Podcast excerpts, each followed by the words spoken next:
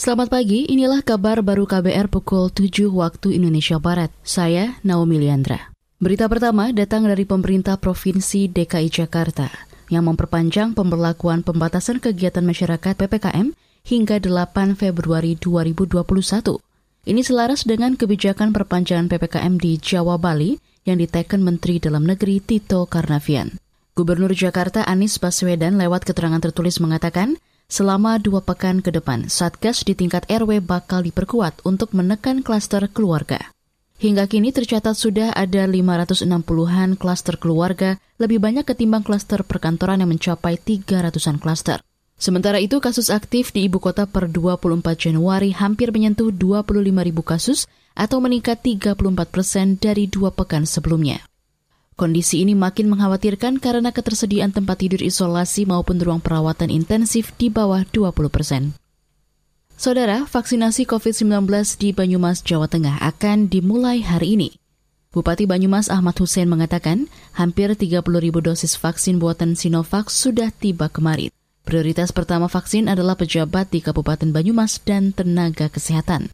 Selanjutnya, vaksin gelombang kedua juga akan segera didistribusikan untuk tenaga kesehatan yang belum divaksin pada gelombang pertama dan masyarakat.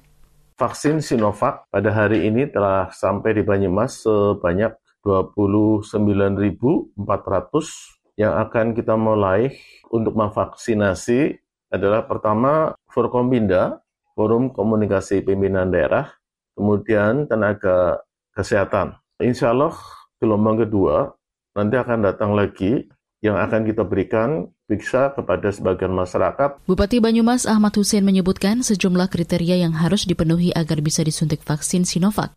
Di antaranya rentang usia 18 hingga 59 tahun, tidak memiliki penyakit penyerta atau komorbid, serta bukan ibu hamil dan menyusui. Kita beralih ke berita olahraga. Manchester United bakal menghadapi West Ham United di babak kelima Piala FA. Pada laga dini hari tadi, Setan Merah mampu menyingkirkan Liverpool dengan skor 3-2. Gol kemenangan MU dicetak Bruno Fernandes lewat tendangan bebas 12 menit setelah diturunkan di babak kedua. Skuad The Hammers sudah lebih dulu lolos dengan mengalahkan Doncaster Rovers 4 gol tanpa balas. Pada duel babak kelima Februari mendatang, MU bakal bertindak sebagai tuan rumah. Laga terakhir kedua tim terjadi di Liga Inggris musim ini dengan kemenangan MU 3-1. Di ajang Piala FA, MU mengoleksi 12 trofi atau tertinggal dua trofi dari Arsenal yang memegang rekor kemenangan terbanyak. Demikian kabar baru KBR, saya Naomi Liandra.